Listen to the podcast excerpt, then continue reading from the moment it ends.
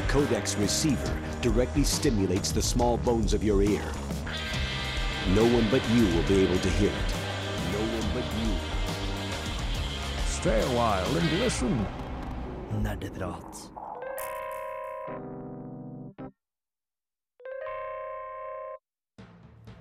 Velkommen til spillprogrammet på Radio Revolt, Nerdeprat, hvor i dag så tar vi og slenger fra oss spillkontrollene til fordel for terninger, penn og papir.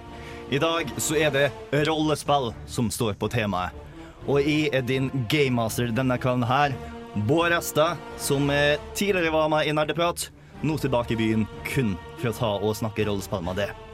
Mann, jeg er ikke den eldste i rommet. Vi har klart å finne tak i en eh, epic level-karakter til å hoppe inn og preike eh, massevis av rollespill med oss, nemlig gode gamle Erik Vibe. Se. Jeg tror den mikrofonen er død. Du må hoppe på en annen. God dag, godtfolk. Der, vet du. Eh, fordi du var med i Kontroll Alt Elite tilbake da det het det. Ja, det var jeg. Mhm. Og eh, du var den som tok opp med tilbake i tida. God stund siden nå, ja. Det begynner å bli en god stund siden. Eh, men det er ikke kun oss to i eh, studio. Eh, siden vi er to eh, Kontroll Alt Elite-travere, så tenkte jeg at vi kunne ha litt Kontroll Alt Elite-stemning og bare fylle hele studio. Vi er totalt sju stykk i studio, og partyet vårt er Og som har en Renate. Sword and Board Paladin, TM! Cleric Torben. Jeg kommer og låner mikrofonen din. Jeg bare Hei, Anders. Anders er her ennå. God dag. Yes. eh, for eh, mens jeg og Vibe kjenner hverandre fra Kontroll til litt, så har ikke jeg og Tor Magnus tatt og snakka på radioen enda. Men vi har en forhistorie allikevel. Ja, det har vi, Bård. Så dere, høres veldig seksuelt ut. som dere kanskje kan høre på de personlige pronomenene våre, så kommer vi begge to fra Romsdalen. Yes. Og det kan hende at Tor Magnus var en stamkunde på butikken min tilbake i Molde. If you know what I mean. Altså Det kan hende at jeg var stamkunde, men det kan også hende at Bård glemte å legge CD-en inn i Baroque Wii-spillet, som sørga for at jeg kom tilbake igjen. If you know Og what I mean. da var det gjort. Da var skaden gjort. Ja, det er en av de største feilene jeg noensinne har gjort i hele mitt liv. Det går ikke en dag hvor jeg ikke angrer på at jeg ikke putta inn den CD-en der. Oh, the feeling is neutral. Yes. Nei, når du eh, ble tatt opp, så var jeg litt bekymra, fordi at jeg er litt glad i dialekten min. Så det å ha en romsdaling til i programmet, det var sånn jeg vet ikke helt. Mm. Men sier det er det, så skal det gå greit. Ja, nei. Det er store sko å fylle.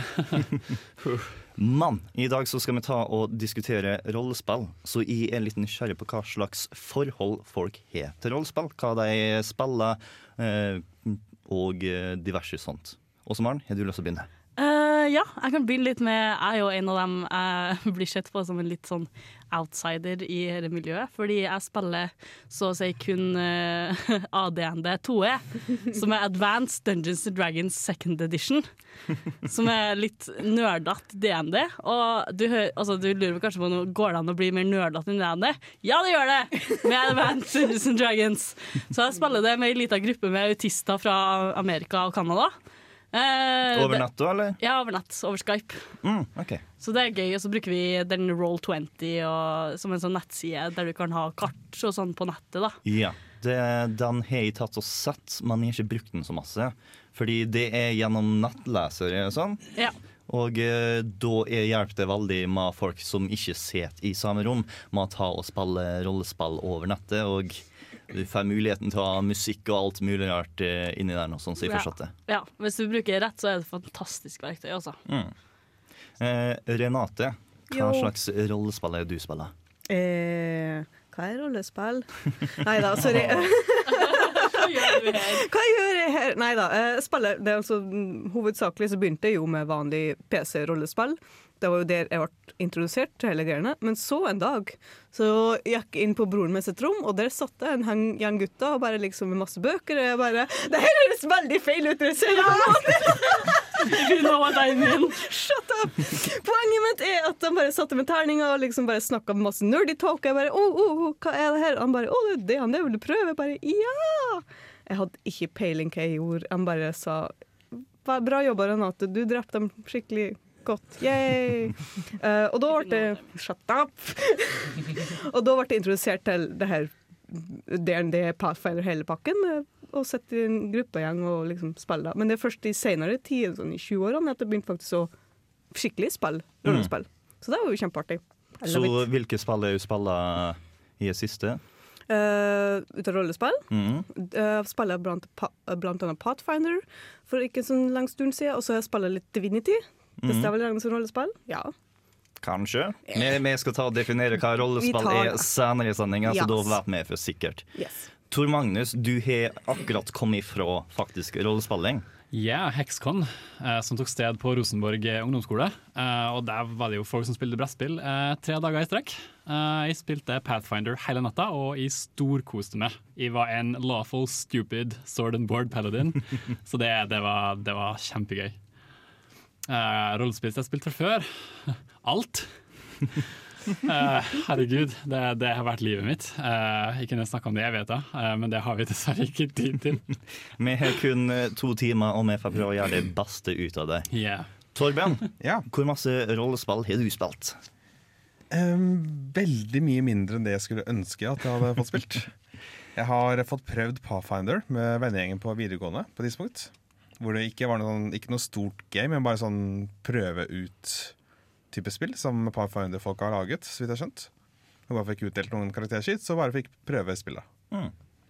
Men ellers så har ikke jeg hatt noe særlig erfaring med rollespill. Nei. Så jeg gleder meg til å lære mer. Ja, du får passe på å ta og spørre de spørsmål som ikke er så eh, opplagt for oss andre. Ja. Vive, du har spilt en god del rollespill. Ja, eh, det har jeg. Uh, begynte egentlig for ikke så veldig lenge siden, men eh, har begynt å ta det opp skikkelig nå i det siste. Jeg er med i tre forskjellige grupper, eller det er mye de samme folkene, men vi har tre forskjellige games. Mm. det ene er Call of Cthulhu, det andre er MERP, Middle Earth Role Playing Game, okay. og Pathfinder. Og så har vi også prøvd oss på um, Game of Thrones-rollespillet. Mm. Utover det så er digitale rollespill uh, var min forte når jeg var med i radioen. Mm. Og um, det, går mye det fortsatt. Anders, hva er slags terninger er det du ruller? Oi. uh, I en periode så var det bare D-tida det gikk i, for da var det World of Darkness som var uh, den store greia. Vampire the Masquerade og hele den biten der. Eh, nå, nå hopper jeg ganske langt tilbake i tid, da, for jeg har egentlig ikke spilt noe mye pen and paper rollespill på hvert fall fem år.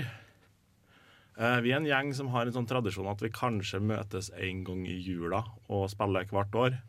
Eh, Men så har det på en måte balla på seg og blir mindre og mindre rollespill og mer og mer juleøl av det. så, så, den tradisjonen er på en måte litt døende.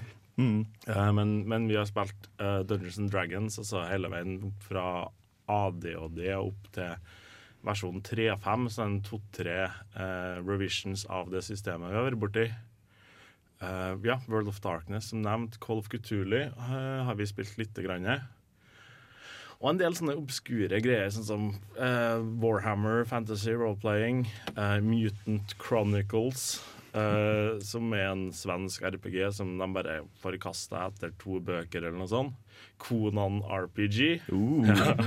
Deep cut. Ja, så vi har, vi har vært borti veldig mye rart. Vi har til og med laga vårt eget rollespillsystem som heter Agent. Damn. Ja, uh, Så vi har vært borti ganske mye, eh, men fortsatt så syns jeg at det er det D10-systemet til World of Darkness som er det som appellerer mest. da. Mm.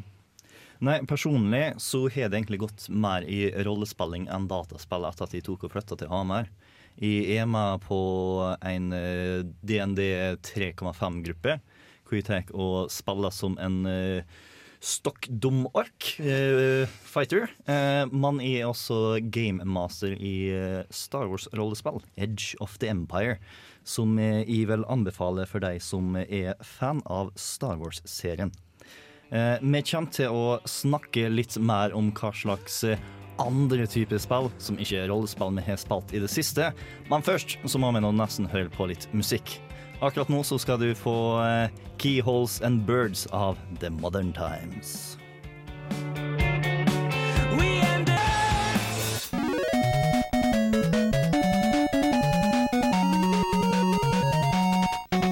Keyholes and Birds of the Modern Times fikk du der her på Nerdeprat på Radio Revolt.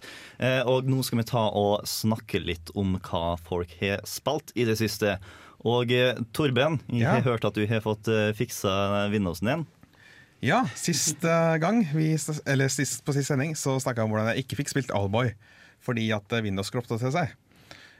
Fortsettelsen på den sagaen var at opptatt, da jeg starta opp Windows igjen, så fikk jeg bare en svart skjerm. Og, sånt. og så prøvde jeg å starte opp med forskjellige optioner, så til slutt så fikk jeg en skjerm hvor det sto uh, eh, 'går tilbake til eh, forrige oppdatering'. Såpass. Og nå, så Etter at jeg var ferdig med å gå tilbake til oppdateringa, så fikk jeg spille Allboy. Du vet at du bare kunne ha slått av datamaskinen og så slått den på igjen? Ja, jeg gjorde det flere ganger. Det- det- Å ja, nei, men da har ikke. ikke jeg noe mer. Altså. Men uh, Owlboy, eh, det var det, altså det norske spillet som har vært i utvikling i ni år. Og det er sidescrolling, Uglefugl ugle, fugl, f- ugle som du styrer. Mm. Fantastisk fin pixel art. Nydelig. Otus heter han. Ja. Otis. ja. Men ja, ugla også. Alvor. Mm. Men uh, ja, det, det er et nydelig spill, både med hvordan det ser ut, og hvordan det høres, og også hvordan det er å spille. Og det har også en gripende historie, noe som jeg ikke egentlig hadde forventet, eh, men som spiller en viktig del av spillet. Mm. Så jeg er, eh, jeg er veldig overbevist så langt. Ja, og du er ikke den eneste i studio som har tatt og putta litt tid inn i Alboy. Vibe, du har fikla litt der. Ja, eh, mellom slagene så får man tid til å spille litt fortsatt. Uh, Owlboy er et fryktelig sjarmerende spill. Eh, jeg syns særlig det forholdet mellom eh, Otis og læremesteren eh, er veldig interessant. Han er en rettelig hestkuk, som vi sier i Trøndelag. og du får virkelig, du føler for karakteren, og du har lyst til at han skal på en måte klare seg videre. Da. Og eh, det gir meg i hvert fall veldig lyst til å dra hjem og spille. Først så skal vi snakke rollespill. Så alvor! Og eh, du, Renate, er også midt i spillet, fordi at eh, neste uke så kommer det kanskje en anmeldelse. Det kommer, det kommer ikke kanskje, det kommer. Det blir anmeldelse. Jeg er også helt forelska i det her Owlboy-spillet. Jeg, jeg har sittet og rista i PC-skjermen fordi det er frustrerende, og det er så engasjerende. Fordi jeg er så glad i Otis og hele pakken. Men jeg har også spilt litt Arne-spill. Det er ikke bare Owlboy jeg har engasjert meg i. Eh, jeg har jo også vært på Game Workshop med James Portnow. Det var veldig artig. Veldig koselig. Det har i og Ja, men eh, jeg James Portnow fra Extra Credits. Stemmer det. Uh, og det er, s- det er jo en workshop, så vi gikk gjennom veldig mye forskjellige spill. Og det var utrolig god kvalitet på de her spillene. Altså, det kunne vært bedre, kunne vært mer polished, kunne vært mye blæ, blæ, blæ.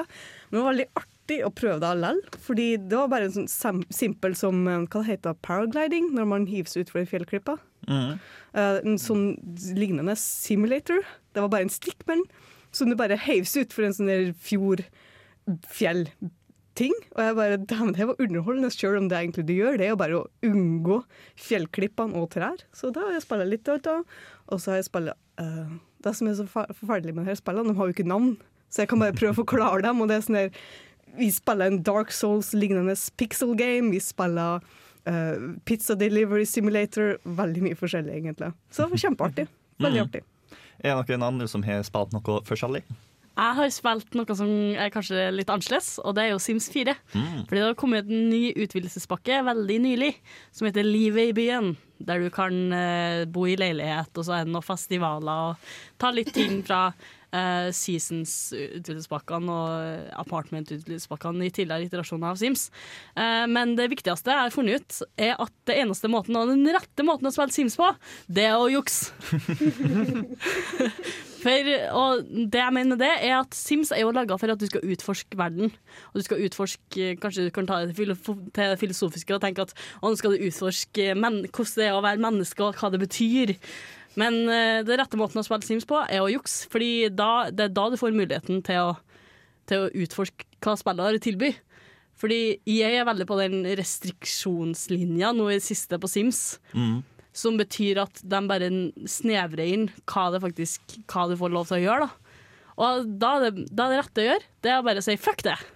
Nå skal jeg jukse som et helvete, og det betyr jo at du skal legge inn liksom motherload og alt mulig, men det å legge inn juksekoder sånn at du blant annet kan eh, nå raskere, sånn, få raskere social skills med folk, eh, det betyr at du kan hacke deg opp i jobber eh, for å skape historier for simmene dine, da. Mm. sånn at de ikke starter fra scratch når de er unge voksne.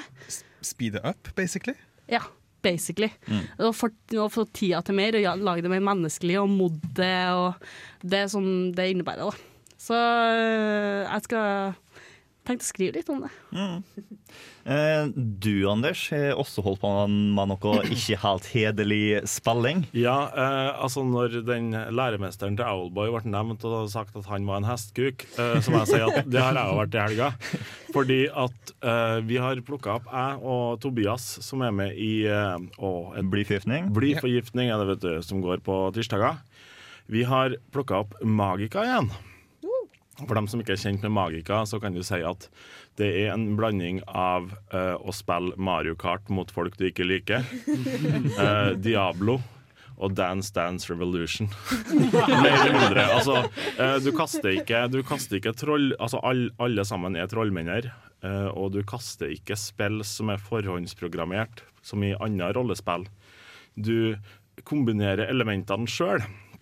Så det vil si at hvis du har lyst til å, hvis du har lyst til å kaste en fireball, så er det ikke bare å kaste flammer. Du må òg legge til litt fysikk gjennom å bruke jordelementet. Og da først kan du kaste en fireball. Eh, som du ikke helt sikkert vet hvor mye den kommer til å eksplodere, f.eks. Um, I tillegg så er det friendly fire på det her. Så, så litt av det, det jeg koser meg mest med, det er at jeg og Tobias vi skal over til andre sida av en av en innsjø, for det er jo etablert overalt at trollmenn ikke kan å svømme. sant? Så vi må fryse, vi må fryse vannet, så går vi over, og akkurat idet vi er på å den motsatte enden av, eh, av innsjøen, så bare kjører jeg flammekaster på isen Tobias står på, så trollmannen hans drukner. Ja, hvorfor ta livet av han på en normal måte? Du skal drukne vennen din. Ja, altså, Altså, altså du er bare skorpion fra Skorpion og frosken. bare, bare. Nei, men altså, det, det er en million forskjellige måter du kan drepe fiendene på. Det var en million måter du kan drepe uh, dine såkalte allierte på. Uh, og jeg aldri jeg koser meg så mye som i, i Magica for tida, altså. Yes, eh, vi kommer til å komme tilbake for å gi det eh, nyhetene for denne uka her. Men aller først så skal vi få kose det med oktober eh, av Kappekoff. Kappikoff. I think it's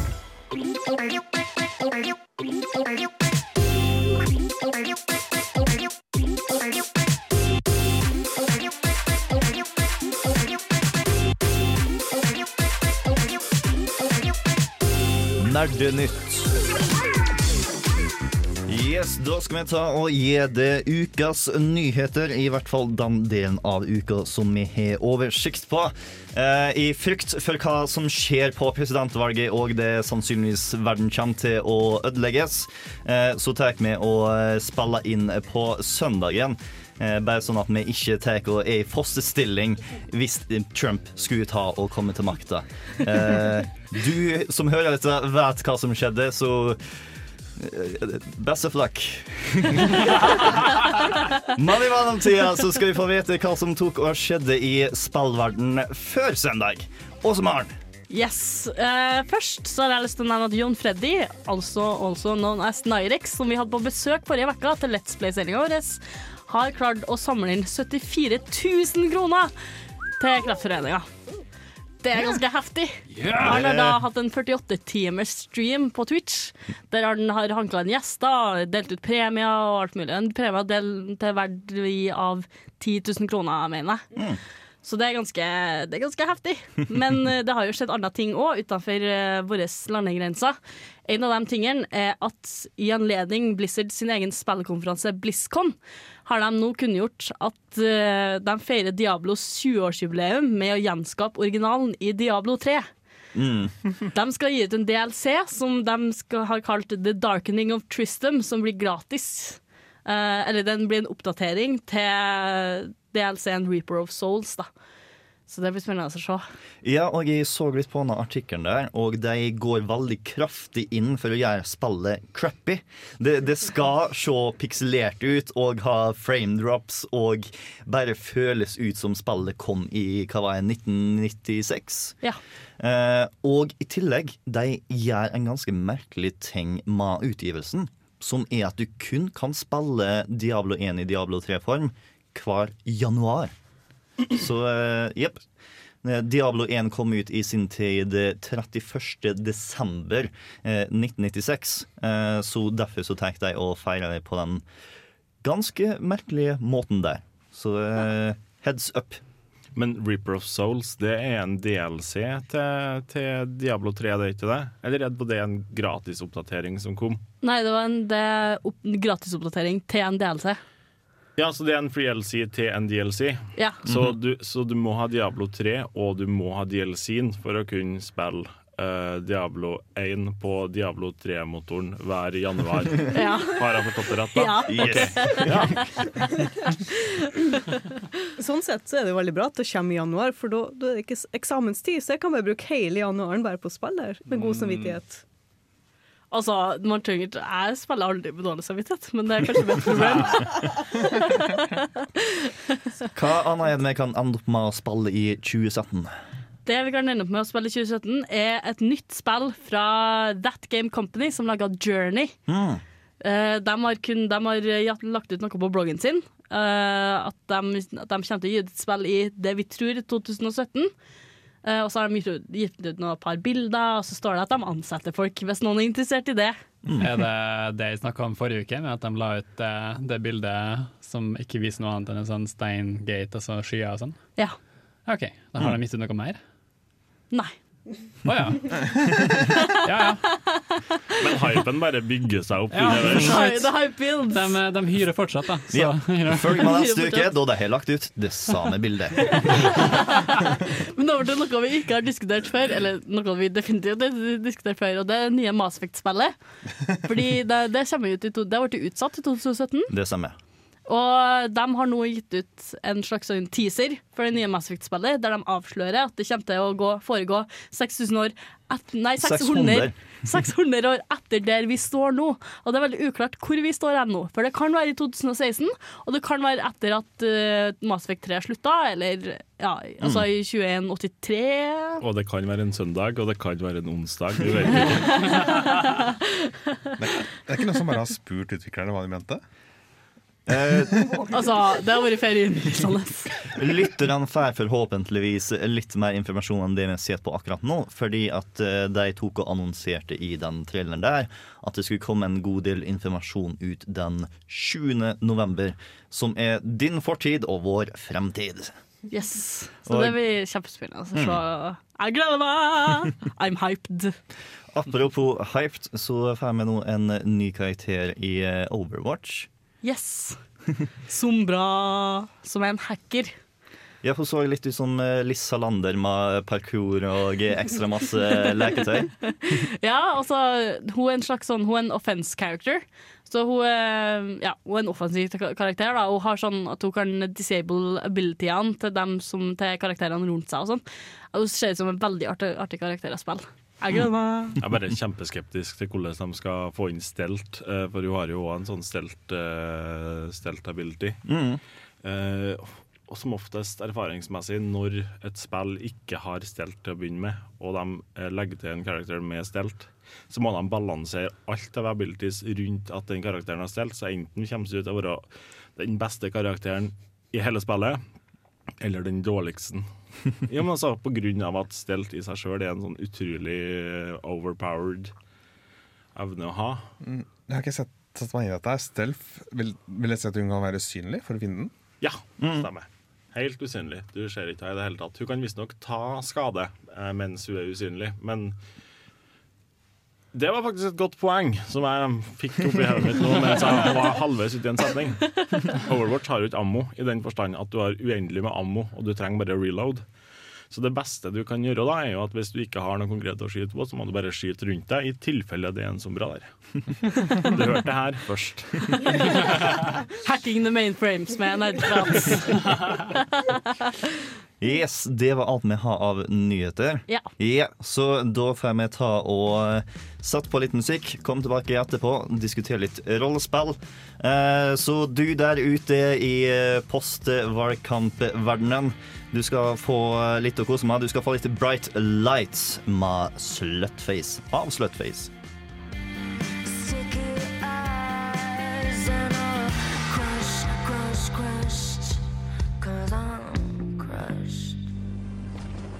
Incoming! Du hører på Nerdeprat! På Radio Revolt. Eh, og i dag så er temaet vårt eh, rollespill. Og eh, som vi gjerne bør ta og alltid starte med i nerdeprat, så må vi nerde litt. Vi må ta og sette oss ned og definere hva vi snakker om. Fordi at det, det er litt mer som skal til for å ha et rollespill enn penn, papir og terninger. Fordi at plutselig så kaller du yatzy for rollespill, og vi er plutselig en nevekamp. Så eh, hva er det et rollespill trenger? Jo, Bård, eh, bra at du spør. Eh, rollespill har veldig mange likhetstrekk med rogelike-sjangeren. Det stemmer! En av de likhetstrekkene er tilfeldighet, som er hvorfor vi bruker terninger. Permanent død. Permanent vel. Det Ja. kommer an på hvor grei GM-en din er. Det, det stemmer. Altså, du har jo Hva er en GM? Eh, en GM er en gamemaster. Eh, for eh, når du skal ta og spille rollespill, så eh, har du en gruppe med mennesker hvor de aller fleste er spillere. Som har sin ene karakter som de tar og gjør valg på og ruller terninger for. Eh, men du har også en person til i rommet, som er den som tar og styrer verden. Jeg liker å kalle GM-en for spillmotoren kroppsliggjort. Eh, så han er på en måte Eller hun. Eller hun. Eller dem. Eller deg. Eh, disse personene av mystiske eh, ting eh, er i hvert fall de som er dommeren. Eh, det er de som tar og bestemmer om det er godkjent eller ikke det du gjør. Det er de som er forfatteren. Det er de som tar og forteller hva som skjer i verden forbi det du sjøl tar og påvirker, osv. At det kan eh, også bli kalt for DM, Dungeon Master, men de brukes om hverandre, da, både Game Master og Dungeon Master, Ja. slik jeg har skjønt det. Dungeon Master er primært for eh, Dungeon and Dragons. Ja. Og uh, World of Darkness bruker uttrykket 'storyteller' av at det er viktig å presisere her at en gamemaster er ikke ute etter å altså du, Spillerne spiller ikke mot gamemasteren. Eh, målet her er at spillerne og gamemasteren som oftest sammen skal gå sammen og lage ei god og interessant historie, i stedet for at uh, GM-en skal si at ha-ha-ha, nå skal jeg drepe alle sammen for at jeg skal hjem og uh, legge meg til rett tid, f.eks. Ja, jeg tror at det er like mange uh, titler på GM som det er rollespill. Uh, det jeg er kjent for uh, Eller nei, det jeg er kjent med, i hvert fall, er Keeper fra Call of Ja. Cthulhu. Syns jeg også er et veldig passende navn for, for at du sitter med alt. Du har all informasjonen. Og, men i motsetning til hvert fall mange andre rollespill, så er um, Call of Cthulhu også Det, det er vanskelighetsgrader, og det, det har litt med hvor eh, attached du kan bli til en karakter. Um, Call Cthulhu trenger ikke å bli så veldig attached til noen, egentlig. Eh, men eh, i hvert fall uh, du, du, du er inne på noe med at en rolle, en, en gamemaster, styrer spillet og narrativet. Mm. eh, og det er din jobb å prøve å i hvert fall trekke historien videre, da. Mm. Gjør ting interessant. Må det være en gamemaster i spillet for at det skal kunne være, kalles et rollespill? Det er et godt spørsmål. Ja, jeg vil ikke si det. For at, eh, altså, hvis man snakker om eh, Nå trekker jeg plutselig en veldig lang parallell, da. Men hvis man snakker om rolleleik eh, Og jeg har folk som jeg jobber med, som har spurt liksom, hva du gjør i helgen med en haug med svette mannfolk i en kjeller. Og da sier jeg jo, vi holdt med, vi holdt med rollespill. Å ja, altså, klær dere dere ut og drar i skogen etterpå, liksom? Nei, vi sitter egentlig bare i kjelleren og prater med hverandre og ruller noen terninger. Eh, Men for eksempel, du har sånne eh, kvasirollespill, sånn som Avalon, eh, hvis noen har spilt det, Resistance. Mm, yeah. Du tar på en rolle, og du skal prøve å bløffe. Og jeg vil si at det er et slags rollespill, men hvis vi snakker om pen and paper, rollespill, som jeg vil heller definere på en måte sjangeren, så Mm. må det ha en GM, antar jeg. Jeg har Ja. ikke spilt spill uten game, i hvert fall. Ja, nei, for det er så mange regler som tar og foregår samtidig, så det er best å ha noen som passer på deg. Eh, det er litt teit å ha spillerne til å bestemme sjøl hva de blir utfordra med, fordi Mm. at da blir liksom ting ikke like overraskende og genuint utfordrende. Eh, og eh, ja. Eh, snakker vi rollespill, uh, så vil jeg også nevne generelt JRPGs, japanske rollespill, uh, mm -hmm. som jeg også er veldig vant med. som jeg har spilt utrolig mye av. Altså, du har diverse eksempel Naruto er ganske vanlig, som sikkert alle har sett før. Gjort om i spillformat. Alt fra Tales of-serien, Final Fantasy og sånne ting. Mm -hmm. Som jeg regner med sikkert mange i studiet her har spilt og kjenner til. som jeg da også ville bare bringe litt attention til, eh, og ikke bare det spillet. I så fall har jeg også spørsmål igjen at som jeg snakka om når jeg spiller spill sist sist, blir også dataspill, liksom Divinity, Pillars of Eternity, Baldur's Gate, blir det også rollespill? Selv om det ikke er en, en ovre herregud i et romme som sitter og bestemmer hva du skal gjøre, så vil det likevel kalle rollespill, eller? Vel, det er i hvert fall derifra sjangeren kommer ifra. De tok eh, Dungeon Dragons og eh, den slags typen og prøvde å ta og spillifisere det. Eh, og f.eks. eksempel Baldur's Gate er rett ut Dungeons and Dragons. De har tatt og lisensiert eh, den eh, motoren. Fun fact, The Elder Scrolls er basert på GURPS, altså Generic Universal Role-Playing System. Mm.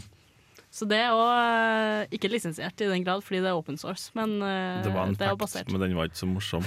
Jeg syns det er gøy! Ja. Det er ikke mange som vet det. Men, men en viktig ting å trekke fram her, da, eh, når man begynner å trekke inn sånn som Boller eh, og, og Pillars of Eternity og sånn, det er jo at i pen and paper rollespill så sitter eh, og her er jo heller ikke et fasitsvar på, men som oftest så spiller hver enkelt person kun én karakter, Mm. som inngår i et eh, party sammen med flere spillere. Mm. Mens i Final Fantasy for eksempel, der er det jo sikkert 15 stykker som rir på kyllinga og har store sverd samtidig.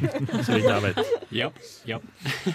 Ja, nei, for eh, du tar opp noe ganske viktig for min nytelse av rollespill, i hvert fall, og det er det sosiale.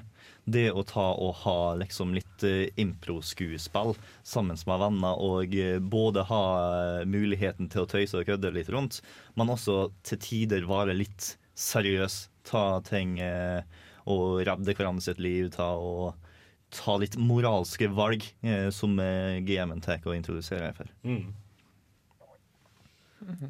Ja. Yeah. Ja. ja, men OK, hva var det vi kom frem til nå? Hva, hva skal vi bruke som definisjon på rollespill? Jeg har gjerne lyst på flere ting som eh, må være på plass for et rollespill. Vi har gått gjennom bl.a.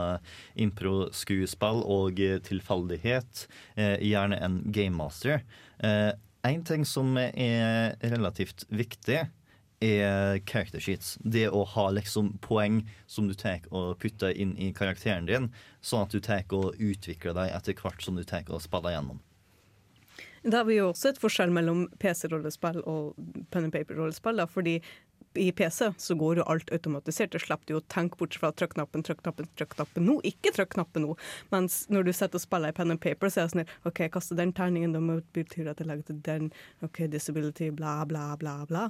Og det er jo også Da vil jeg si at pen and paper-rollespill er jo litt mer krevende, for den saks skyld òg. Mm, nei, det er en god del matematikk eh, som eh, går inn i det. Men det er jo det akkurat de samme systemene som ligger i f.eks. Uh, hvis du driver og dreper en drage i World of Warcraft sammen med fire andre stykker, så er det jo akkurat det samme. Det er bare det at hvis du spiller Dungeons and Dragons og dreper den samme dragen og ruller terningene fysisk, så er hele spillsystemet mye mer transparent, tra eh, gjennomsiktig. um, på grunn av at da ser du alle alle prosessene som foregår fra du liksom trekker sverdet til du slår dragen i hodet med det.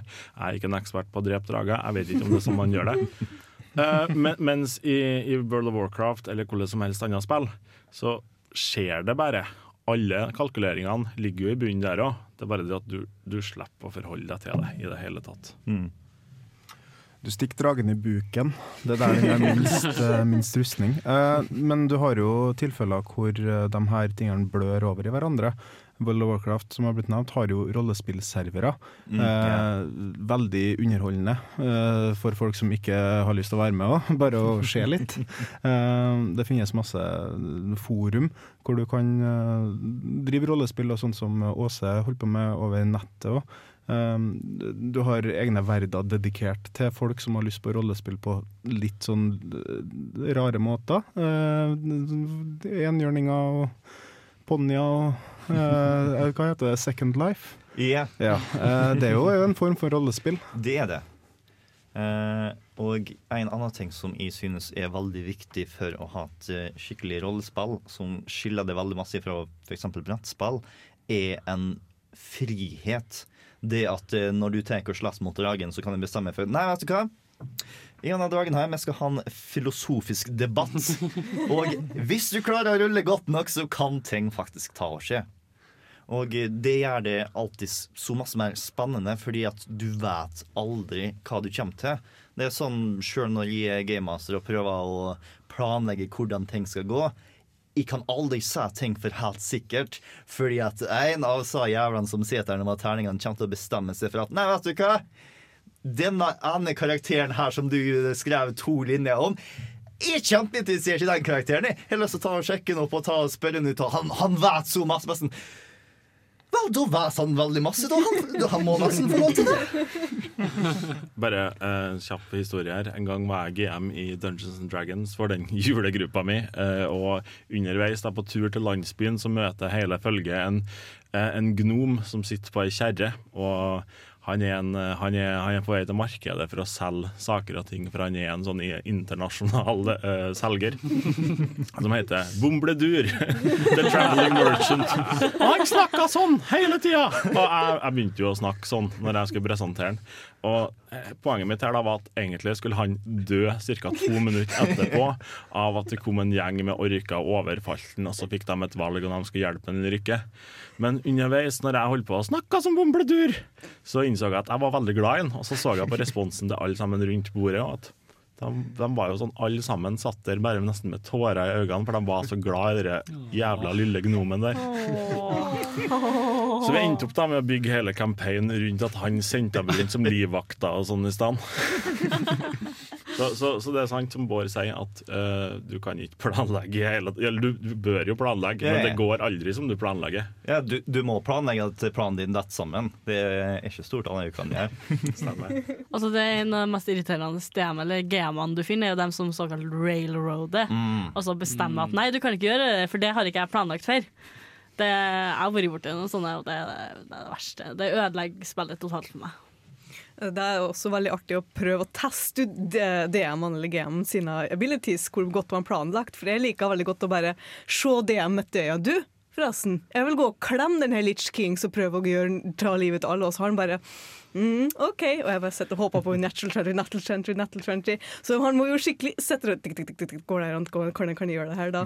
Så det er veldig artig. Det er ikke sånn du kan gjøre med PC-spill, fordi det er forutsatt uansett hva du skal gjøre. da. Bård, jeg har et spørsmål til deg nå. For Nå har jeg begynt å profilere folk i studio og Mhm. innser hvilken type rollespillere de er. Er det rom for å snakke om det senere, eller? Det er absolutt rom for å snakke om det senere. Eh, vi kan ta og begynne å snakke om det ganske snart, men først så trenger vi selvfølgelig litt musikk. Eh, denne gangen her så er det Mikael Paskelev du skal ta og få lov til å høre litt på. Eh, låten hans heter 'Witness', og så høres vi etterpå.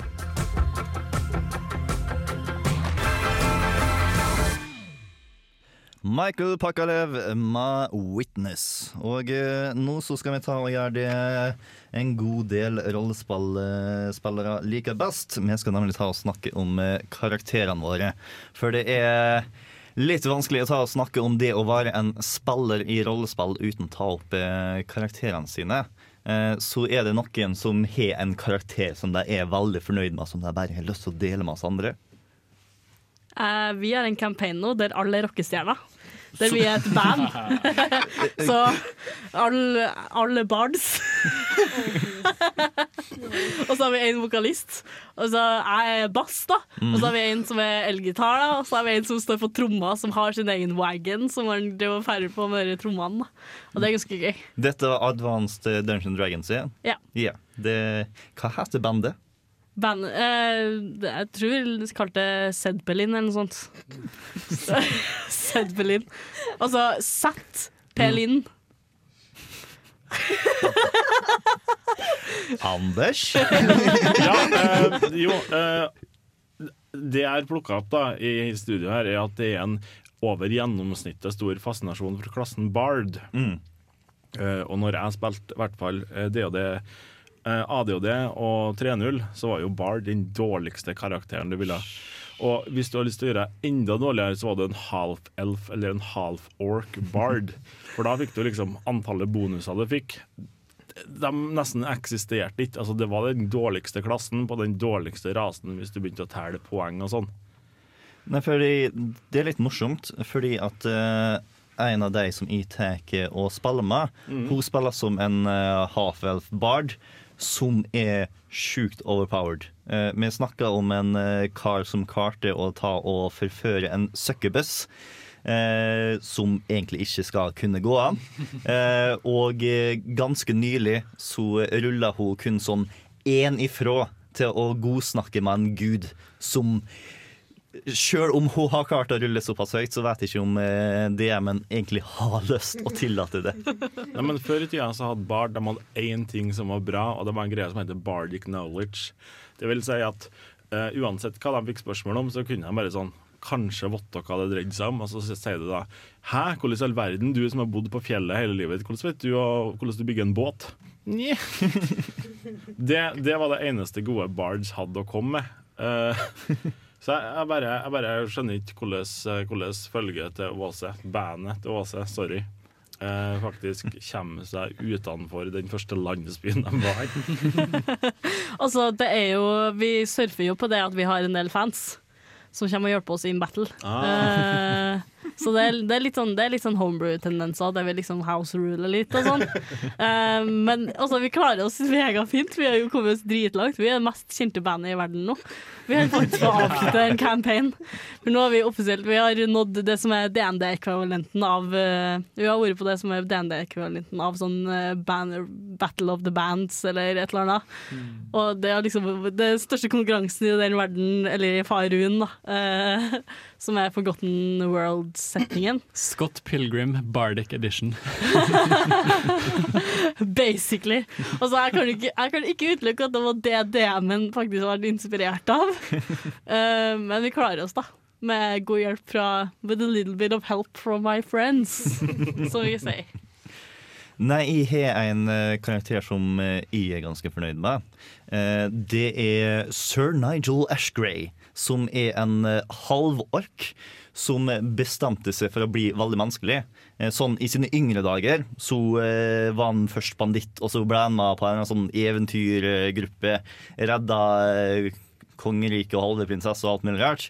Eh, og endte opp i et hoff i sånn 20 år og ble dvask og har lyst til å bli veldig menneskelig.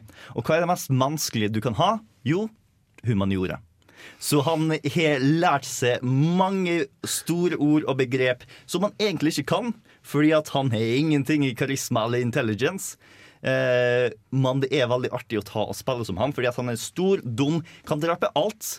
Men han har mest lyst til å ta og eh, studere kunst og diskutere filosofi med folk. Og det jeg fant ut, som fikk meg til å virkelig like Dungeon Dragons, var det øyeblikket da det gikk opp for meg at når jeg tar og feiler et rull, så betyr det ikke at det ikke var artig. Det å eh, For eksempel, eh, en gang så skulle han ta og sjekke for traps. Rulla sånn tre når det var 15 han egentlig burde ha. Men nei da. Nigel har sjølsikkerhet nok til at jeg sånn Nei, det er ingen traps her nå! Og bare strider fremover. Så eh, det er det er litt morsommere når du tar og eh, lar deg sjøl få lov til å feile og eh, teste litt mer ut på den måten. Ja, eh, en karakter som jeg laga til en Pathfinder-kampanje som jeg holdt på med, var Koth eh, Pebble Tosser. Eh, han ble adoptert av Giants og har fått et inferioritetskompleks, så han har jeg tvingt til å må klare å kaste en spill som heter Steel Size av alle som er større enn når han slåss, sånn at han kan bli større enn dem og føle seg sånn som liksom sine Giants som han vokser opp med. da. Eh, veldig artig karakter, for han skulle i utgangspunktet være dum, men jeg ble tvunget til å sette intelligence på han hvis han i hele tatt skulle ha noe spills. Eh, så eh, det, det er mye man kan gjøre. Jeg liker å sette på sånne restrictions. Jeg liker banes og, sånne ting, Mm. for jeg syns at det gir mer til en karakter enn bare det positive. Da, Mm. på en måte. Gjerne det er liksom eh, når du har noe de ikke er flink på, men som de gjerne har veldig lyst å være flink på, eh, gjør det masse mer interessant enn Vel, jeg er flink til å slåss med sverd, og alt jeg har lyst til å gjøre, er å slåss med sverd. Der er en kar, jeg slåss med sverd, jeg vant, fordi jeg slåss med sverd. Jeg har en, eh, jeg har en paladin jeg noen gang plukker fram, eh, som heter Pascal the Lightbringer. Eh, uh, og det er kun han sjøl som omtaler seg sjøl om Pascal the Lightbringer. Men han heter egentlig bare Pascal. Uh, that's it. Han, hvis dere har sett, noen gang sett på noen sånn Visjon-TV eller noen sånne ting, sånne, sånne preachers, så er Pascal ganske lik dem. Både i måten han trekker fram sin egen fromhet og godhet på, og hvor utrolig skinnhellig han egentlig er. Det vil si, Pascal fant ut at alle hans hellige krefter Det kommer ikke så mye av at han sjøl vet at han er god. Det kommer av at andre folk tror at han er god. og det gir jo han en del moralske valg, da, der han egentlig har lyst til å eh, stikke av med prinsessa etter at de har redda kongeriket, sant? men han kan jo egentlig ikke det. Fordi at da mister jo han alle kreftene sine. Så han blir på en måte, til tross for at han egentlig ikke er veldig snill, så blir han tvunget til å gjøre snille ting likevel. Hvis ikke så får han ikke til å sømme hesten sin lenger. Eh, ja, Apropos Dungeon Dragons karakterer. Uh, siste Pathfinder session så spiller jeg en karakter jeg ble jævlig glad i. Um, hun er en half-elf druid. Eh, som andre half-elfer så føler du ikke tilhørighet til verken mennesker eller elveform. Så foreldrene var veldig sånn Å nei, vi må liksom Det går bra, lille venn. Du er veldig spesiell, du er unik. Ikke vær redd for at du er half-elf og utstøtt og sånne ting. Så her, her ble jo jævlig sjølgod veldig høy på seg sjøl og bare Yes, heaven er nice, ass. Takk og lov for at verden har med. Men som alle andre arrogante personer, så Ingen liker såpass arrogante personer. Hun blir veldig sånn utstøtt. og hun blir sånn, Jeg skjønner ikke hvorfor ingen liker det. Foreldrene mine sier at det er fantastisk. Derimot, de som liker henne, er dyr. Derfor hun ble dreed, Fordi hunder tilber henne, fuglene syns hun er fantastisk, alle dyrene elsker henne. Og hun er sånn yeah, that's right, dyr elsker meg. Mennesker, fuck dem, jeg skal drepe dem alle. Så hun er en veldig evil druid som elsker dyr. Jeg elsker henne. Apropos paladins og druids. Jeg spilte en paladin en gang som hadde lyst å være en druid.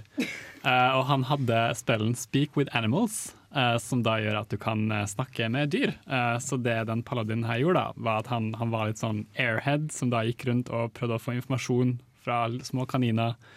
Og, og hester og sånne ting. Så mens resten av partiet gikk liksom og skulle prøve å gjøre noe nyttig i byene, så ser du Paladin tråtte opp til nærmeste barn eller hestene står og bare begynner å kviskre veldig sånn ømt med hesten. Bare 'Hei, Jonathan, har du sett noe? Psst, du kan snakke med meg.' Pluss at han aldri traff, så han var kjent som The Flailing Paladin.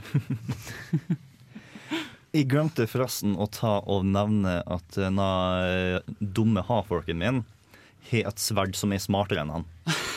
Han eh, har et sverd som er kjempeondt, prøver å ta og korruptere alle sammen som tar og bruker det, men sverdet kan kun snakke telepatisk gjennom Draconic, Abyssal og Infernal. Som er språk Nigel ikke kan i hele tatt. Så han bare vandrer rundt med et sånt kjempegammelt, kjempeondt sverd. Som er sånn Nei! La oss ha kaos i verden! Men i dag så redder vi verden. Fantastisk. Men han er fortsatt bevisst på at han har en stemme i øret, bare at det er litt sånn tinnitus over det. Ja, ja, han har ingen anelse hva denne raslingen bak i hodet er. Det høres ikke ut som noe han er vant til. Så bare sånn ah, Fuck, jeg burde ikke drukke så masse i går. Jeg, har, eh, jeg fant fram, faktisk fram et character sheet for en 5E, eller DND 5E-karakter som jeg laga, som er en criminal bard. Fordi 5E gjorde en del med bard-klassen, klassen, som eh, også utvida en litt. Så det er litt gøy. Så jeg har da Kin the Crook. Som er en half-elf bard som går rundt og jukser til seg penger. Og så synger og danser og spiller folk til søvne for å stjele fra dem. eh, og gjør litt sånne ting, da. Så jeg har det veldig gøy med å være sånn hun som alle ser på som liksom The Angel, og så går hun rundt og liksom er bare helt jævlig mot alle, egentlig. Og ingen tar henne seriøst, fordi alle er sånn jeg er bare en bard. Synger og danser og spiller. Nei da. Hun er en av de største kriminelle mastermindene i den byen. da. Så det, det er veldig gøy å spille. Herregud, jeg elsker å være litt sånn, litt sånn Å være litt motsatt av det man er i virkeligheten. Mm, ja. Jeg Eh, får veldig inntrykk nå av at alle karakterene som er oppsummert så langt, kunne ha vært med i ei Discworld-bok. altså for at alle sammen er på en måte sånn ufrivillig komisk på sin egen måte. Eh, før vi tar og avslutter denne praten om det å være spiller i et rollespill, er det noen tips dere har lyst å ta og gi folk som har lyst å ta spillet, eh, for å ta og få en bedre opplevelse som spiller? Jeg kan begynne eh, med det jeg nevnte tidligere. Jeg vil eh, gi karakteren din en vice, altså gi den en svakhet. En, eh, gjerne noe som definerer en som person.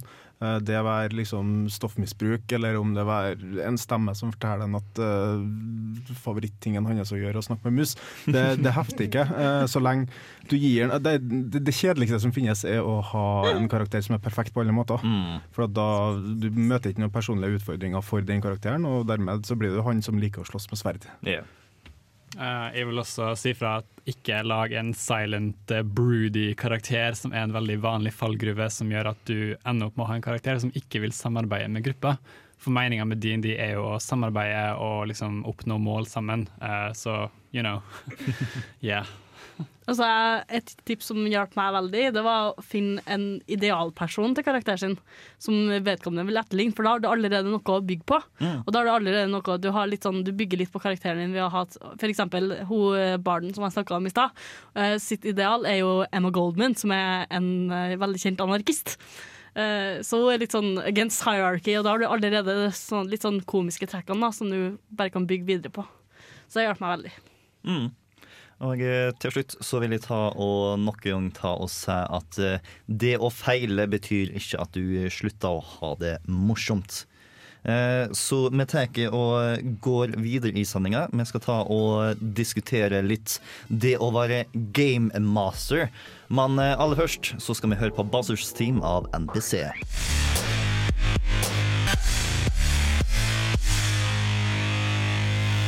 Dette er bare Egil. Det blir mer drittmusikk etter dette. Ja, det kan jeg ta og love det. Men eh, først så skal vi ta og preike litt eh, Game Master, Dungeon Master, Keeper, Storyteller, what have you. Og eh, hvem i studio igjen var det som har erfaring som Game Master etc.? Det er Anders Vibe og Bård. Det er de med skjegget som har tatt og eh, putta nesene sine dypt nok i bøker til å kunne ta på seg litt eh, ansvar. Og eh, er det noen av dere som har lyst til å ta og fortelle om noen eh, morsomme historier som gamemaster? Sånn forbi da du fant opp en gnom?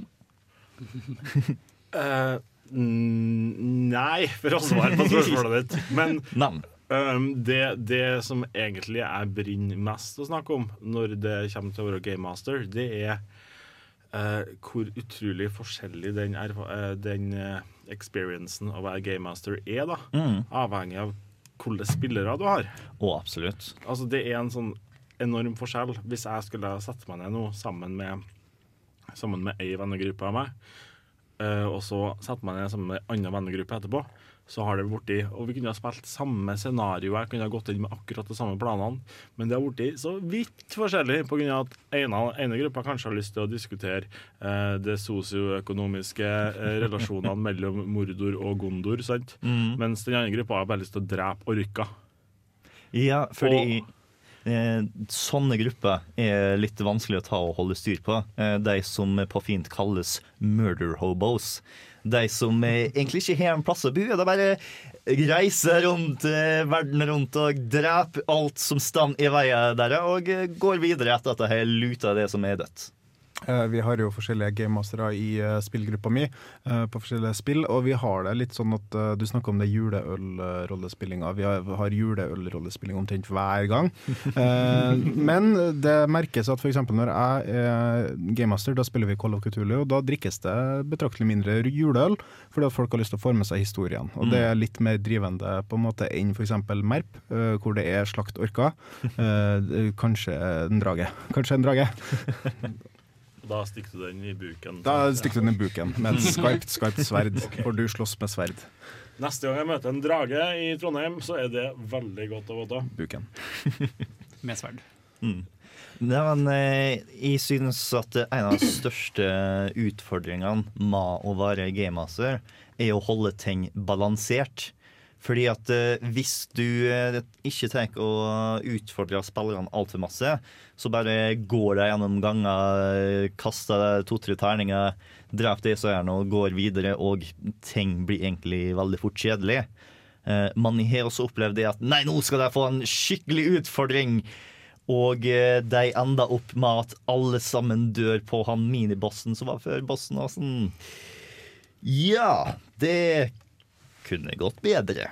Jeg er veldig tilhenger av at når jeg er GM eh, og jeg sender gruppa mi inn i slåsskamper, så foretrekker jeg å rulle mine terninger sånn at de ikke ser det. Det vil si at hvis, eh, hvis den ene kobolden de møter utenfor gruva, og så skal de være i gruva i tre timer i, spill, i spilltid, da. Eh, Hvis den bare hopper og kløner ut øynene på main-tanken deres sant? på første kastet, så er det greit å kunne si at nei, han gjorde ikke det, uten, uten at de skjønner at jeg er snill med dem. Fordi at hvis, hvis da han store orkbarbaren der sånn mister øynene, blir blind, eh, og så bare dør i en blodpøl to minutter i spillet etterpå, så blir det ikke ei bra historie av det. Da, altså, da er det bare sånn Nei, faen heller, jeg gidder ikke å lage en ny, en ny figur nå. Eh, nå bare pakker vi sammen, og så avslutter vi. Et kvarter etter vi har satt oss ned for å begynne å spille. Så, så uh, jeg er veldig tilhenger av at det de ikke vet, har de ikke vondt av. Mm. Nei, for eh, jeg, jeg ruller terningene uh, sammen med andre. uh, men jeg har det jeg noterer av helse og sånt, det har jeg separat. Så hvis de sier at de sliter veldig, så er det sånn Vel, da har en kanskje ti mindre i helse, og jeg er nå på, eh, ganske nært på å dø.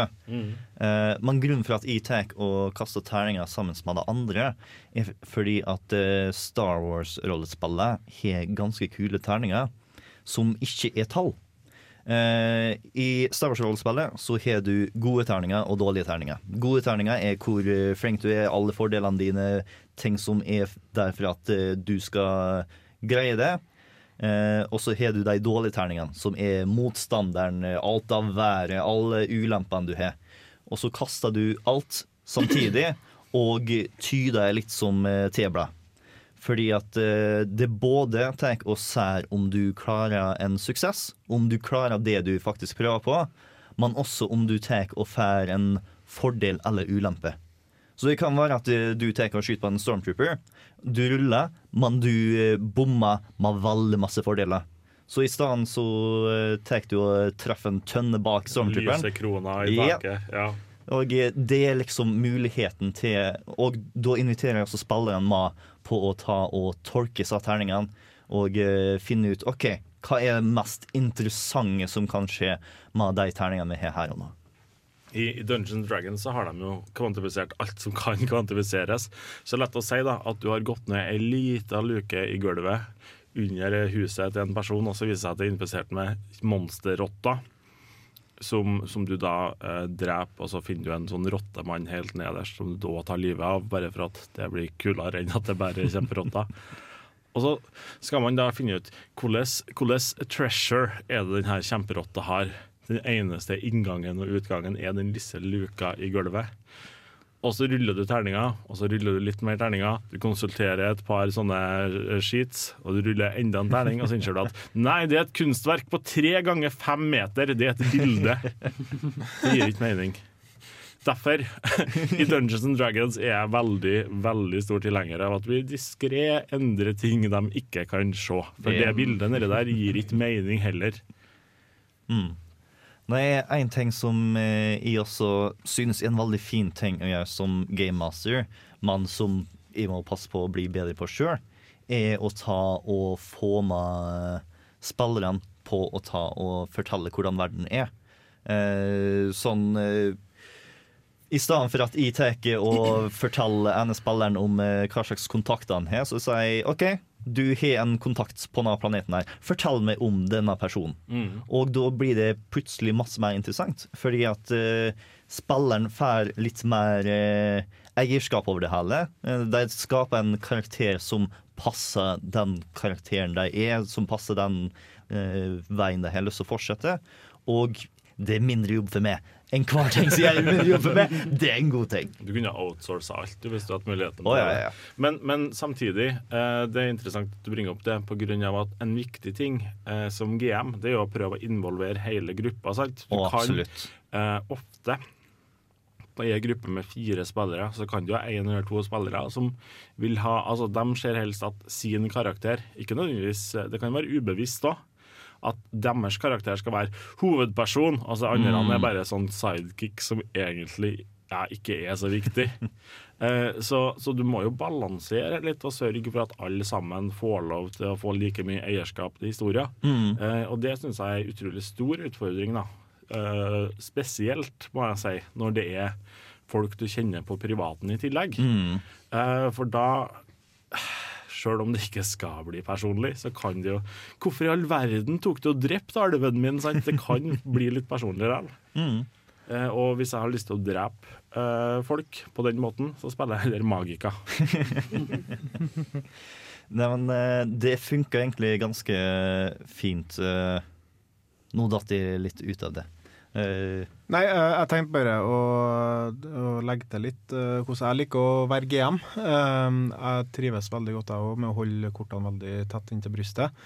Og jeg, jeg, jeg hater troper. Jeg hater at folk gjør det Du snakka om en brooding-karakter som står i hjørnet og bare Ja. har det kjipt. Og da kommer det en eh, Byaki og tar den med seg ut til øde øy, altså. Eh, Det gjør det. Eh, For jeg trives ikke med at folk skal liksom spille det de forventer at den personen gjør. Man da heller skal prøve å være litt, tenke litt på føttene sine og prøve å være litt kjapp med beslutningene sine. Og det trenger ikke nødvendigvis å være positivt heller, selv om man gjør noe man syns er rasjonelt og syns kanskje man skal se hvor det tåkemonsteret bak seg er, igjen, så trenger du ikke å snu deg, for det er Call of Cthulhu, og han er faktisk rett bak deg alltid. eh, dere som ikke er game masters, eh, er det noe som gamemasterne dere har spilt med, som har gjort som dere eh, håper at flere der ute kunne tatt litt eh, lærdom ifra? Jeg har en gamemaster som jeg håper andre gamemastere ikke lærer ut av. For jeg har én som er sånn her Ingen bards. Og jeg bare What? Why? Jeg bare, Nei, ingen bards. Og jeg bare sånn Jeg støtter den veldig, da. Sagt. Ja, jeg tror det er kanskje fordi han, Jeg vet ikke, han har sikkert sine uheldige hendelser med det, men jeg er sånn her Å, mjau, men jeg liker bards. Eh, jeg vil si litt av det samme. Noe som jeg ikke vil at game, Masters eller Dungeon Masters skal gjøre, det er å ha en egen karakter mens de eh, er game master. Eh, fordi jeg har sett på meg det sånne typiske veldig Jeg vil ikke si dårlige DMs, men, men you know, altså hvis du har en karakter som er din mens du er DM, så, så har du veldig stor tendens til å gjøre det om til the main character. Og du kan sitte der og rulle, rulle terninger i smug og liksom få den til å se dritkul ut, mens du liksom på en måte overskygger alle spillerne. da. Mm. Og da sitter du der som spiller og tenker uh, Dude, why are you sitting there playing with yourself? Og selv hvis du selv hvis eh, skal skulle være ærlig, så kan jeg tenke meg at uh, bare det alene kan skape mistanke. Mm. Sånn at det ikke Nei, det liksom, selv, om det, selv hvis han var heldig, så kan man jo spekulere i om det var Ja, hva det var. Og så en ting som er litt, litt det samme at jeg ikke har lyst til at det man skal gjøre, det å ha en kjæreste på partyet. Ja! Oh yes! Vær så snill! Og så hvis du skal svare med kjæresten din, ikke gjør det så jævlig obvious at du favoriserer vedkommende. For jeg har vært borti det to ganger. At det er noen som drar med seg kjæresten sin på, på partyet, og, eller på, i gruppa, da, og blir sånn ja, du døde egentlig nå, men vi ser at du ikke gjorde det, egentlig. Du overlevde med liksom eh, li livet knapt i behold. Og det blir sånn, ærlig talt Hvis du først Altså, Hvis du først skal favorisere spillere, kan du ikke favorisere alle på lik linje. Men da kan man ikke, da, da er det teknisk sett ikke å favorisere. Ja. Mm. Nei, men altså Man skal være så- rettferdig, det er jeg enig i. Jeg syns ikke at folk skal være kjærester i det hele tatt, når det er sagt. Men, men uh, en av, Ja, Ja. i tillegg. Ja, i tillegg. Bare sånn i den, samme, i den samme veien, da. Det er jo at jeg syns ikke man, man bør flørte med noen på partiet gjennom DND.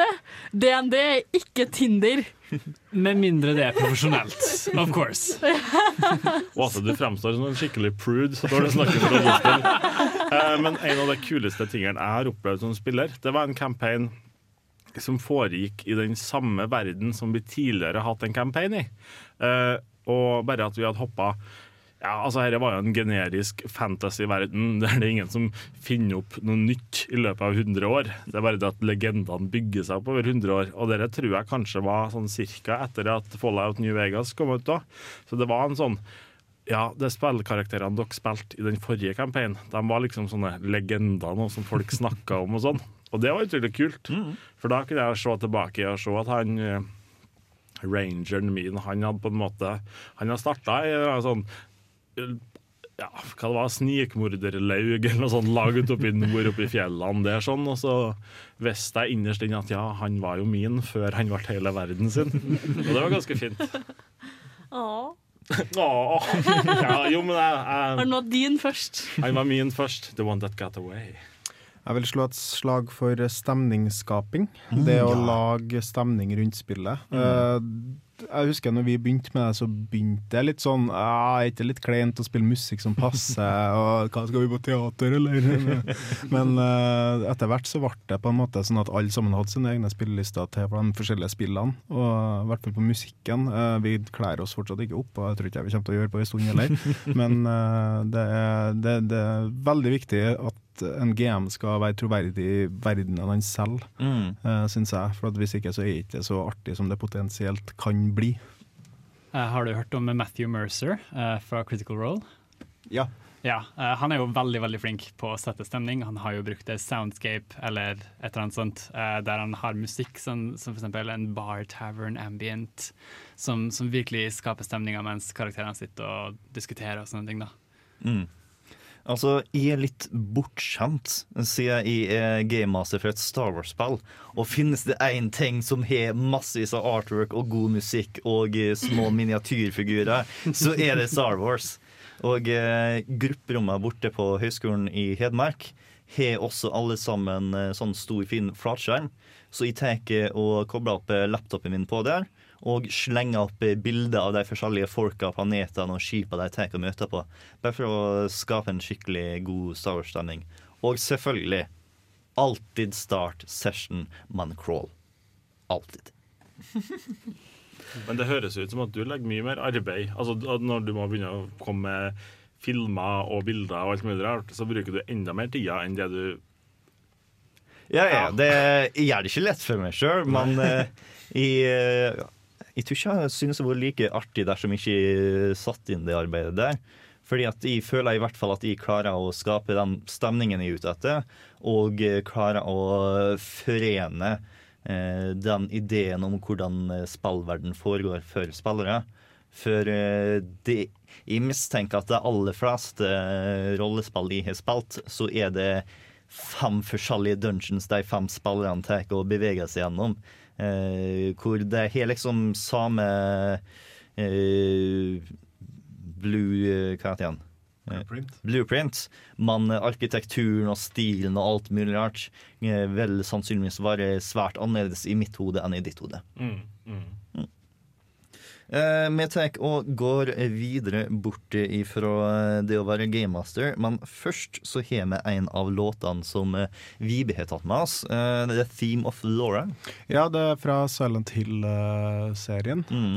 Og jeg vil bare si det at hvis du sliter med å finne musikk som passer til ditt spill, så sjekk spillmusikk. Det er veldig mye å hente der. Jeg har brukt både Silent Hill, jeg har brukt Bastion, jeg har brukt mye sånn ambient-spill sånn som Journey og sånne ting. Har masse bra bare ambient-spor som uh, setter stemninga på en veldig bra måte. For de er laga til spill, de òg. Rollespill er det òg. Mm. Nei, altså et uh, hett tips er å ta og sjekke ut uh, soundtracka til rollespill. Fordi at de har både explore-musikk, som er rolig og fin, og kampmusikk når det er kamp. Mm, og det er gjerne lange spor, Mm. og det er veldig kjekt når du så slipper du å bruke 20 av tida di på å holde på med Spotify-en din. Liksom. Mm. Og så looper de veldig fint der. Eh, men eh, da tar vi og hører litt på Theme of Laura av eh, Laura, faktisk. Av eh, Akira Laura.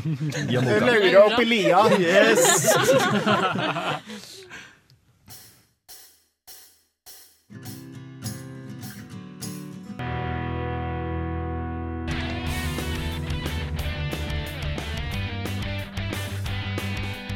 This is James Portnow, and you are listening to Narda Prat.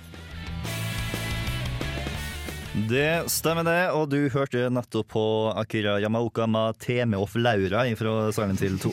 Teme of Laura. Yes, eh, og eh, nå så er det sannsynligvis en del lyttere der ute som har hørt gjennom sendinga og har blitt litt inspirert til å spille rollespill, men så sitter de der nå og vet ikke hvor de skal starte. Og her kommer vi inn og skal ta og fortelle hvordan du kan ta og gjøre det.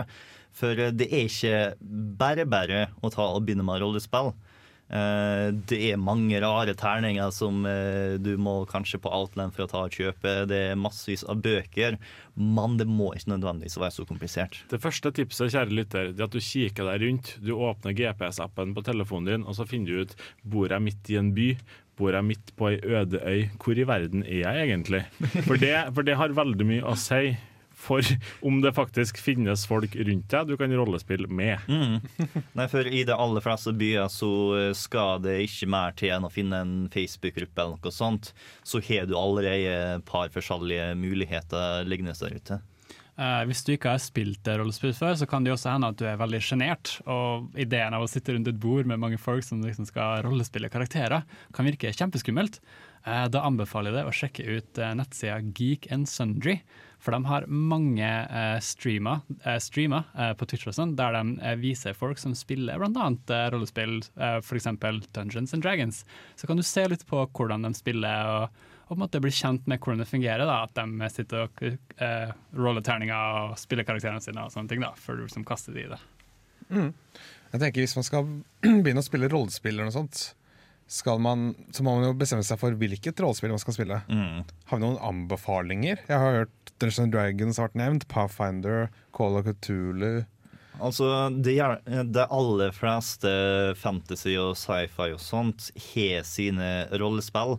Så hvis det er en verden du har lyst til å hoppe litt inn i, kanskje sjekk først om de har et rollespill verdt å ta og sjekke ut. Det finnes de som har det, men som også ikke er noe verdt å sjekke ut. Eh, Rollespillsystemene har jo blitt utrolig mye mer strømlinjeforma nå da, enn de var for 10-15 år siden. Mm. Eh, Call of Cthulhu er det fortsatt D100, det. D100. I rollespill så har du mange terninger som uttales D også et nummer. Som er liksom eh, det høyeste mulige du kan ta og rulle. Vent, så Eh, det er en hundresida terning? Det er ikke helt det. Det er to terninger. Du har en eh, terning som går fra 0 til 9, og en som går fra 00 til 90. Så du tar og ruller ei, eh, slår sammen eh, det første tallet og det andre tallet, så har du en Som ofte så er det til å bli eh, prosentutregning. Det finnes hundresida terninger òg. Det, ja, det tviler jeg ikke på. Det, De er de veldig er, artige, men de, er, de bråker masse når de kaster dem på bordet. og de er vel nærmere enn en ball enn noe annet. her, Så. Men, men før dere begynte å nerd skikkelig om terningsstørrelser og sånne ting nå, Vi trenger ikke å diskutere størrelser hele tida, folkens. uh, så, så skulle jeg fram til da at det enkelte systemer, f.eks. D20, som er det Dungeons and Dragons bruker, det er et system som veldig mange forskjellige rollespillsystemer tar i bruk. Mm. Så om du lærer deg eh, Om du lærer deg å spille eh, Dungeons and Dragons så kan du òg spille eh, Pathfinder, eh, noen Star Wars-rollespill sikkert. Mm. Eh, haugevis av forskjellige verdener du kan hoppe inn i. Så, og for reglene er mer eller mindre det samme.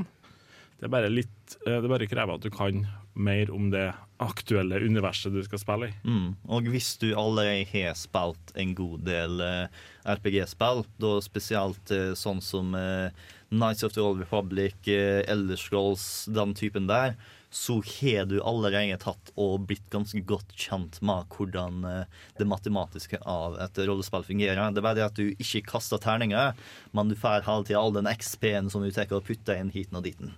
Eh, VATS-systemet fra Fallout 3 er et Mm. sånn perfekt eksempel på hvordan man kan på en måte implementere sjanser i en encounter i et rollespill. Mm. Jeg har lyst til å slå han i hodet, for da har jeg lyst til at han skal liksom miste hodet, eller kanskje ikke være bevisst noe lenger. Og da har du en stor sannsynlighet for det ut ifra hvor du er hen i forhold til kroppen hans. Mm. Kan jeg bare si at uh, for, å nevne, for nå har du nevnt Star Wars, da har jeg nevnt Star Trek. ikke, spill, ikke spill Star Trek role-playing game. For å ta en Steinar Why?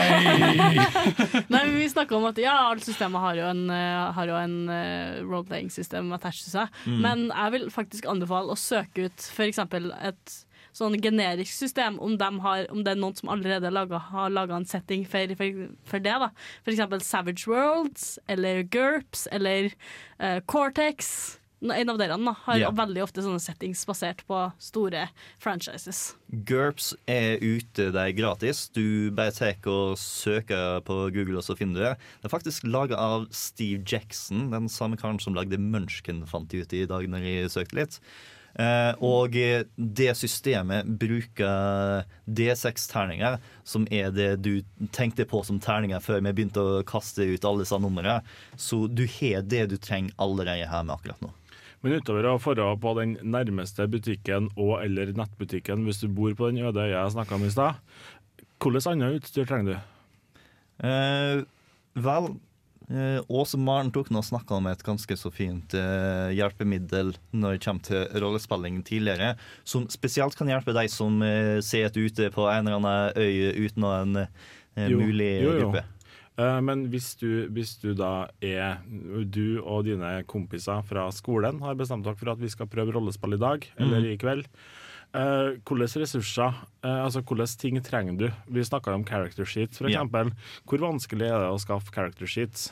Det er ikke så vanskelig. Du trenger en Eh, printer. Du trenger en printer. Du, du kan også ta og ha det på PC. Mm. Eh, I DND-gruppa mi og Star Wars-gruppa mi så har vi alle sammen PC ute med PDF-er som tar og gir de nøyaktige tallene og gjør massevis av matematikk for det. Som er ganske handy. Ting har skjedd på det som med det der, altså, siden sist jeg syns det blir jo juks. Jeg må si det. Det blir, sånn, det blir jo juks. Det er som turbokontroller på Super Nintendo. Liksom. Det er, ting er litt enklere, ja, det skal jeg ta og innrømme. Men eh, som jeg prøvde å ta og nevne litt, eh, Roll20 er noe som eh, folk som ikke har folk rundt seg, burde ta og sjekke ut dersom de har lyst til å spille rollespill. Ja, det er òg veldig bra forum for deg som ikke har grupper ennå. Eh, som du, der du kan feire på spesifikke system og, spesifik, og litt sånn, sånn looking for group-greier. Looking, looking for player. Så det er veldig mye av det på World 20. Det er en veldig stor community. Er det kun på engelsk, eller kan jeg søke etter norske rollespillgrupper der òg? Eh, det er sett noen norske i noen større systemene. Ja, så det er Eller umulig. noen svenske og noen franske. Og, Men det er så, ikke umulig å finne eh, ei gruppe på morsmålet sitt hvis man eh, det er mest komfortabel med det. Mm. Mm. Jeg vil altså, uh, Vi snakka mye om eh, det med å finne det spillet man liker. Mm. Uh, det er veldig lurt å ha et sånn basespill som på en måte en inngangsnøkkel. Uh, F.eks. MERP, uh, DND, uh, Pathfinders og andre ting. Men det finnes også veldig mange interessante andre eh, systemer. F.eks. Uh, spillet Deadlands. eh, bruker pokerhånd for å avgjøre ja. combat og skill checks. Det Og var det westernspillet som ja, du snakka om tilbake i tida. Og der er pokerchips som er currency, så istedenfor mana, liksom. Og hele spillet er utrolig artig. Det er en helt annen måte å gjøre det på. Du kan jukse i pokerhånda di hvis du er flink nok til det, på en måte. Og det, det er utrolig interessant. Det trenger ikke bare være terninger. Mm. Det finnes spill som bare går uten penn og papir og terning òg. Som bare går i hodet til folk, på en måte. da. Og så bare noen bestemmer at nei, du traff faktisk ikke. Men det, det er ikke like forfilling da, på en måte som å rulle en terning. Oh, yeah. Men hvis vi skal gå tilbake på ressurser og sånt jeg, når, når jeg hører dere snakke sånn, så tenker jeg bare at det, dette trenger jeg mye tid på. altså, Hvor mye tid må jeg sette av? Hvor omfattende er det? Det bruker å ta gjerne sånn eh, fire timer når du setter ned en session. Og da gjerne har du en pause i midten her hvor du tar og fikser noe og spiser eller noe sånt. Altså Eh, fire timer til. Kanskje ikke såpass ille. Det kommer an på eh, gruppa di og hvor eh, lyst de har å spille. Eh, Det er definitivt eh, gamemasteren som kommer til å sette opp med å bruke mest tid. Eh, Gamemasteren bruker vel eh, tre ganger så masse tid totalt eh, for å ta og få i gang et eh, skikkelig godt eh, rollespill. Det spørs jo også veldig på hva du velger å spille. Eh, sånn som i Call of Cthulhu så er det mye basert på sånne one-offs, eh, Mm, men ja. du har også campaigns. Og one-offs, da kan jeg Jeg regner med at jeg bruker to timer og tre timer forberedning på en one-off. Eh, med å gjøre klar karakterene, lese gjennom alt eh, som kan skje. Prøve å tenke hva som kan skje, selv om det aldri skjer. Mm. Og prøve å sette opp noen sånne plausible scenarioer for det. Uh, mens hvis man skal ha et scenario, uh, særlig i Call så må du sette av i arbeidsuke altså, for å gjøre deg klar. Oi. Det er sykt mye informasjon å tilegne seg. Men hvis du da er, hvis du er helt ny uh, og har lyst til å prøve deg som GM, eller storyteller, eller samme det, så finnes det jo Du du er jo ikke den første mann. Du trenger ikke å finne opp hjulet på nytt igjen. Det er veldig mange som har laga historier fra før av, både som kommer eh, som er på en måte sånn offisielle releaser fra forskjellige, til forskjellige spill. Og sikkert på den sida du nevnte, Åse, så er det eventyr som du egentlig bare kan lese gjennom, og så spille det sammen med gruppa di for første gang. Og mange av de større rollespillene har liksom sånne tried and true uh, one-offs som Mm. alle sammen kjenner til, uh, eller som alle sammen begynner med. Eksempel i Call of Cthulhu så har det en som heter The Haunting. Og det, det er den første vi kjørte, og den var kjempebra. Jeg fikk anbefalt på nettet. Akkurat som passer Summel, akkurat som passer utfordrende til meg som GM. Og i hvert fall til Call of Cthulhu nå så ligger det ut Sixth Edition-regler quickstart med character sheets, og alt sammen ligger tilgjengelig på kaosium.com, tror jeg, som er sida til dem som lager det. Så det er en veldig enkel plass å starte hvis du f.eks. har lyst til å begynne med Call of Cthulhu. Da. Mm. Altså er det alltid, hvis du har en eh, Outland eller lignende butikk eh, i eh, byen din, så kan du ganske sikkert finne en gruppe gjennom de som står bak den kassa der. Kan også kjapt nevne for dem som bor i Trondheim, at hver onsdag så er Hexagon, som jeg tror er brettspillklubben her i Trondheim, mm. spiller i byen. Eh, jeg husker ikke akkurat hvor de er. Eh, kanskje du vet det, Anders?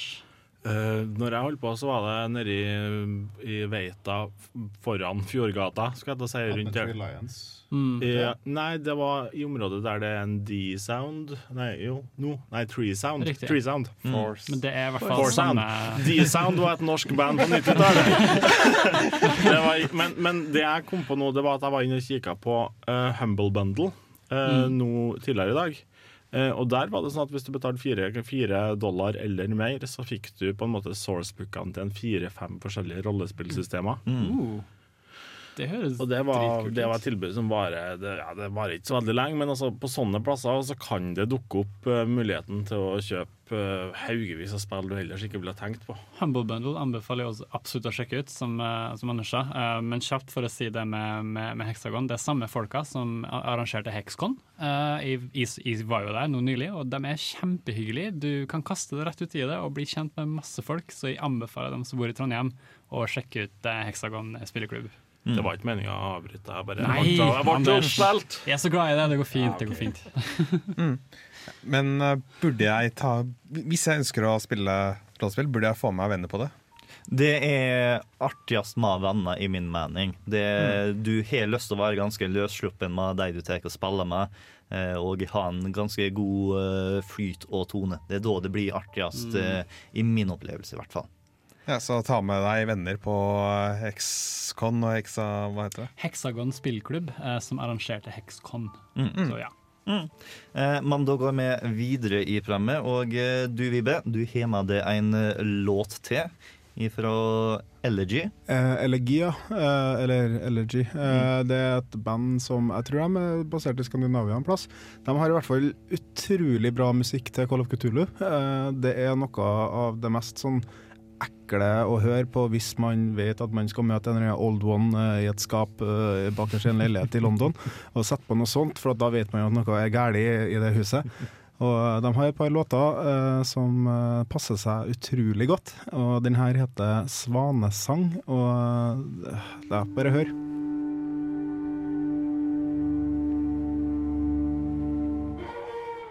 Svanesang av eh, Elegy hører jeg der.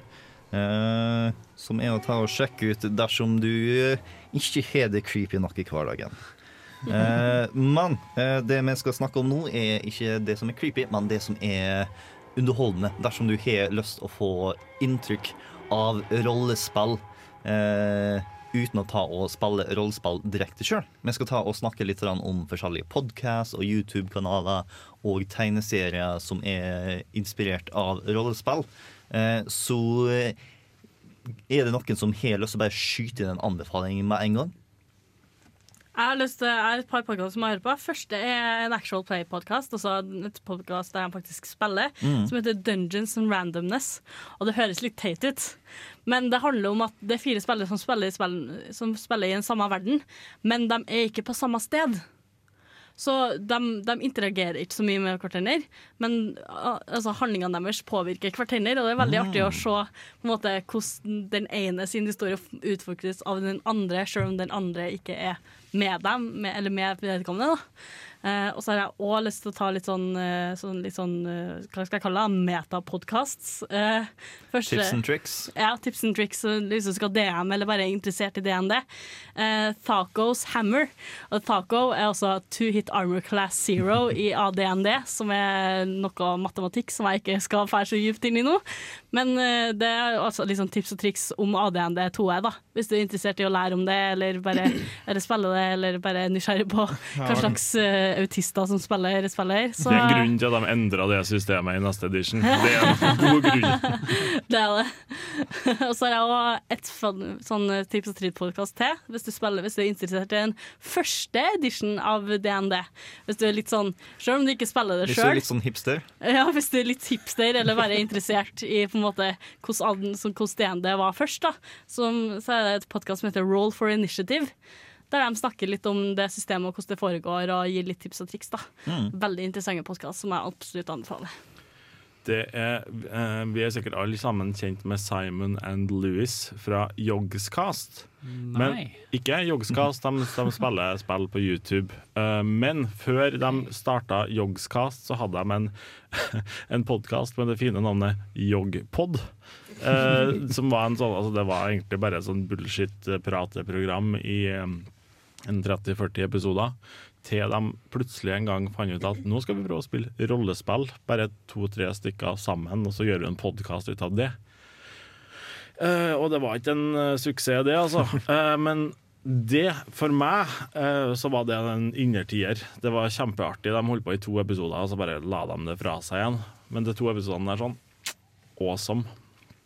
Det, de, det bare sånn de, de bare fikk fokuset over på Altså, de, de spilte for å ha det artig. Det Mm. dreide seg ikke om å drepe drager mest effektivt, som vi nå har lært i løpet av programmet hvordan man gjør. Det Hvordan er det? Man stikker dem i eh, buken med et skarpt sverd. Om du ikke lærte noe annet i løpet av dette programmet her, buken, dragen, alltid. Skarpt sverd. Eh, jeg vil ta og slå et eh, slag for podkastet podcastet The Film Reroll, eh, som eh, handler om en eh, hel haug med eh, ukjente skuespillere som tar eh, for seg filmer.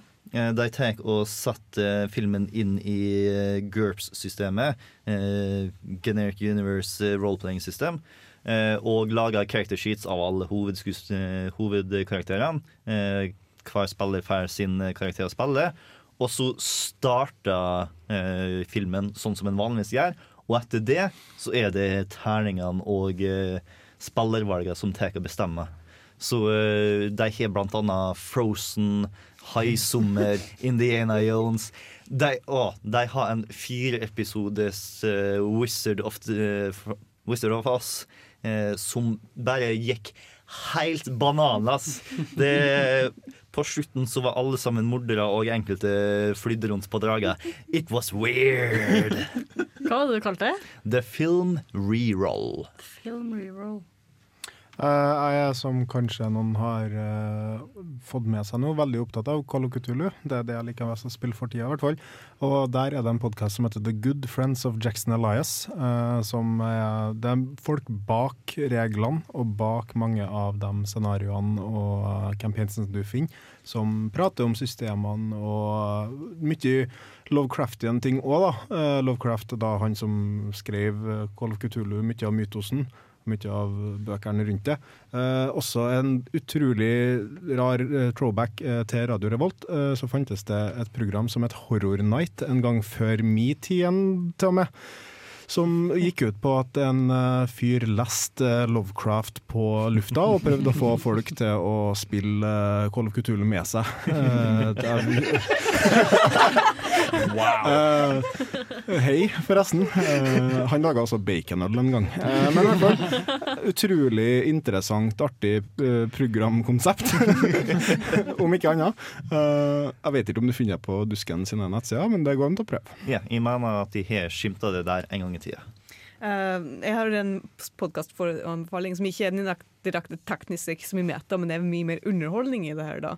Og jeg setter bare et stort glis fra det her begynn til slutt. Det heter The Adventure Zone av The McElroy Brothers.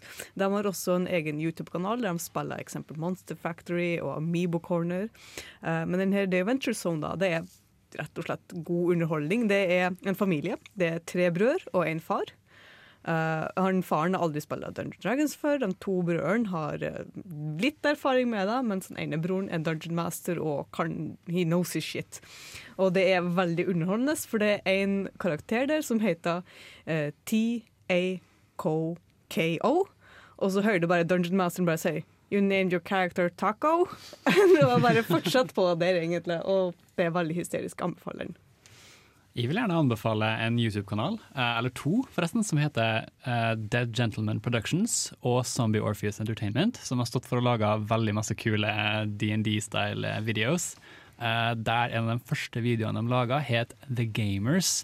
Der det var en liten gruppe gutter som satt inne på et klasserom som de ikke brukte, og spilte DND. Og så har de på en måte filma at de er karakterene sine ute i skogen, og det, de har fortsatt gjort det. De holder på i dag.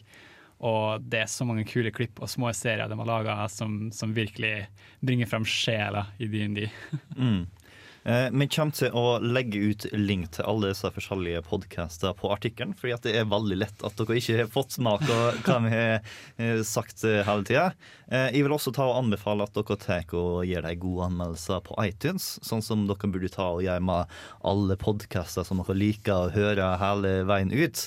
Sånn som du denne gangen her har gjort denne episoden av Nerdeprat, fordi vi er over for denne gang. Forhåpentligvis så har du lært en god del om rollespill, og nå er bare klør etter å ta og kaste litt terninger.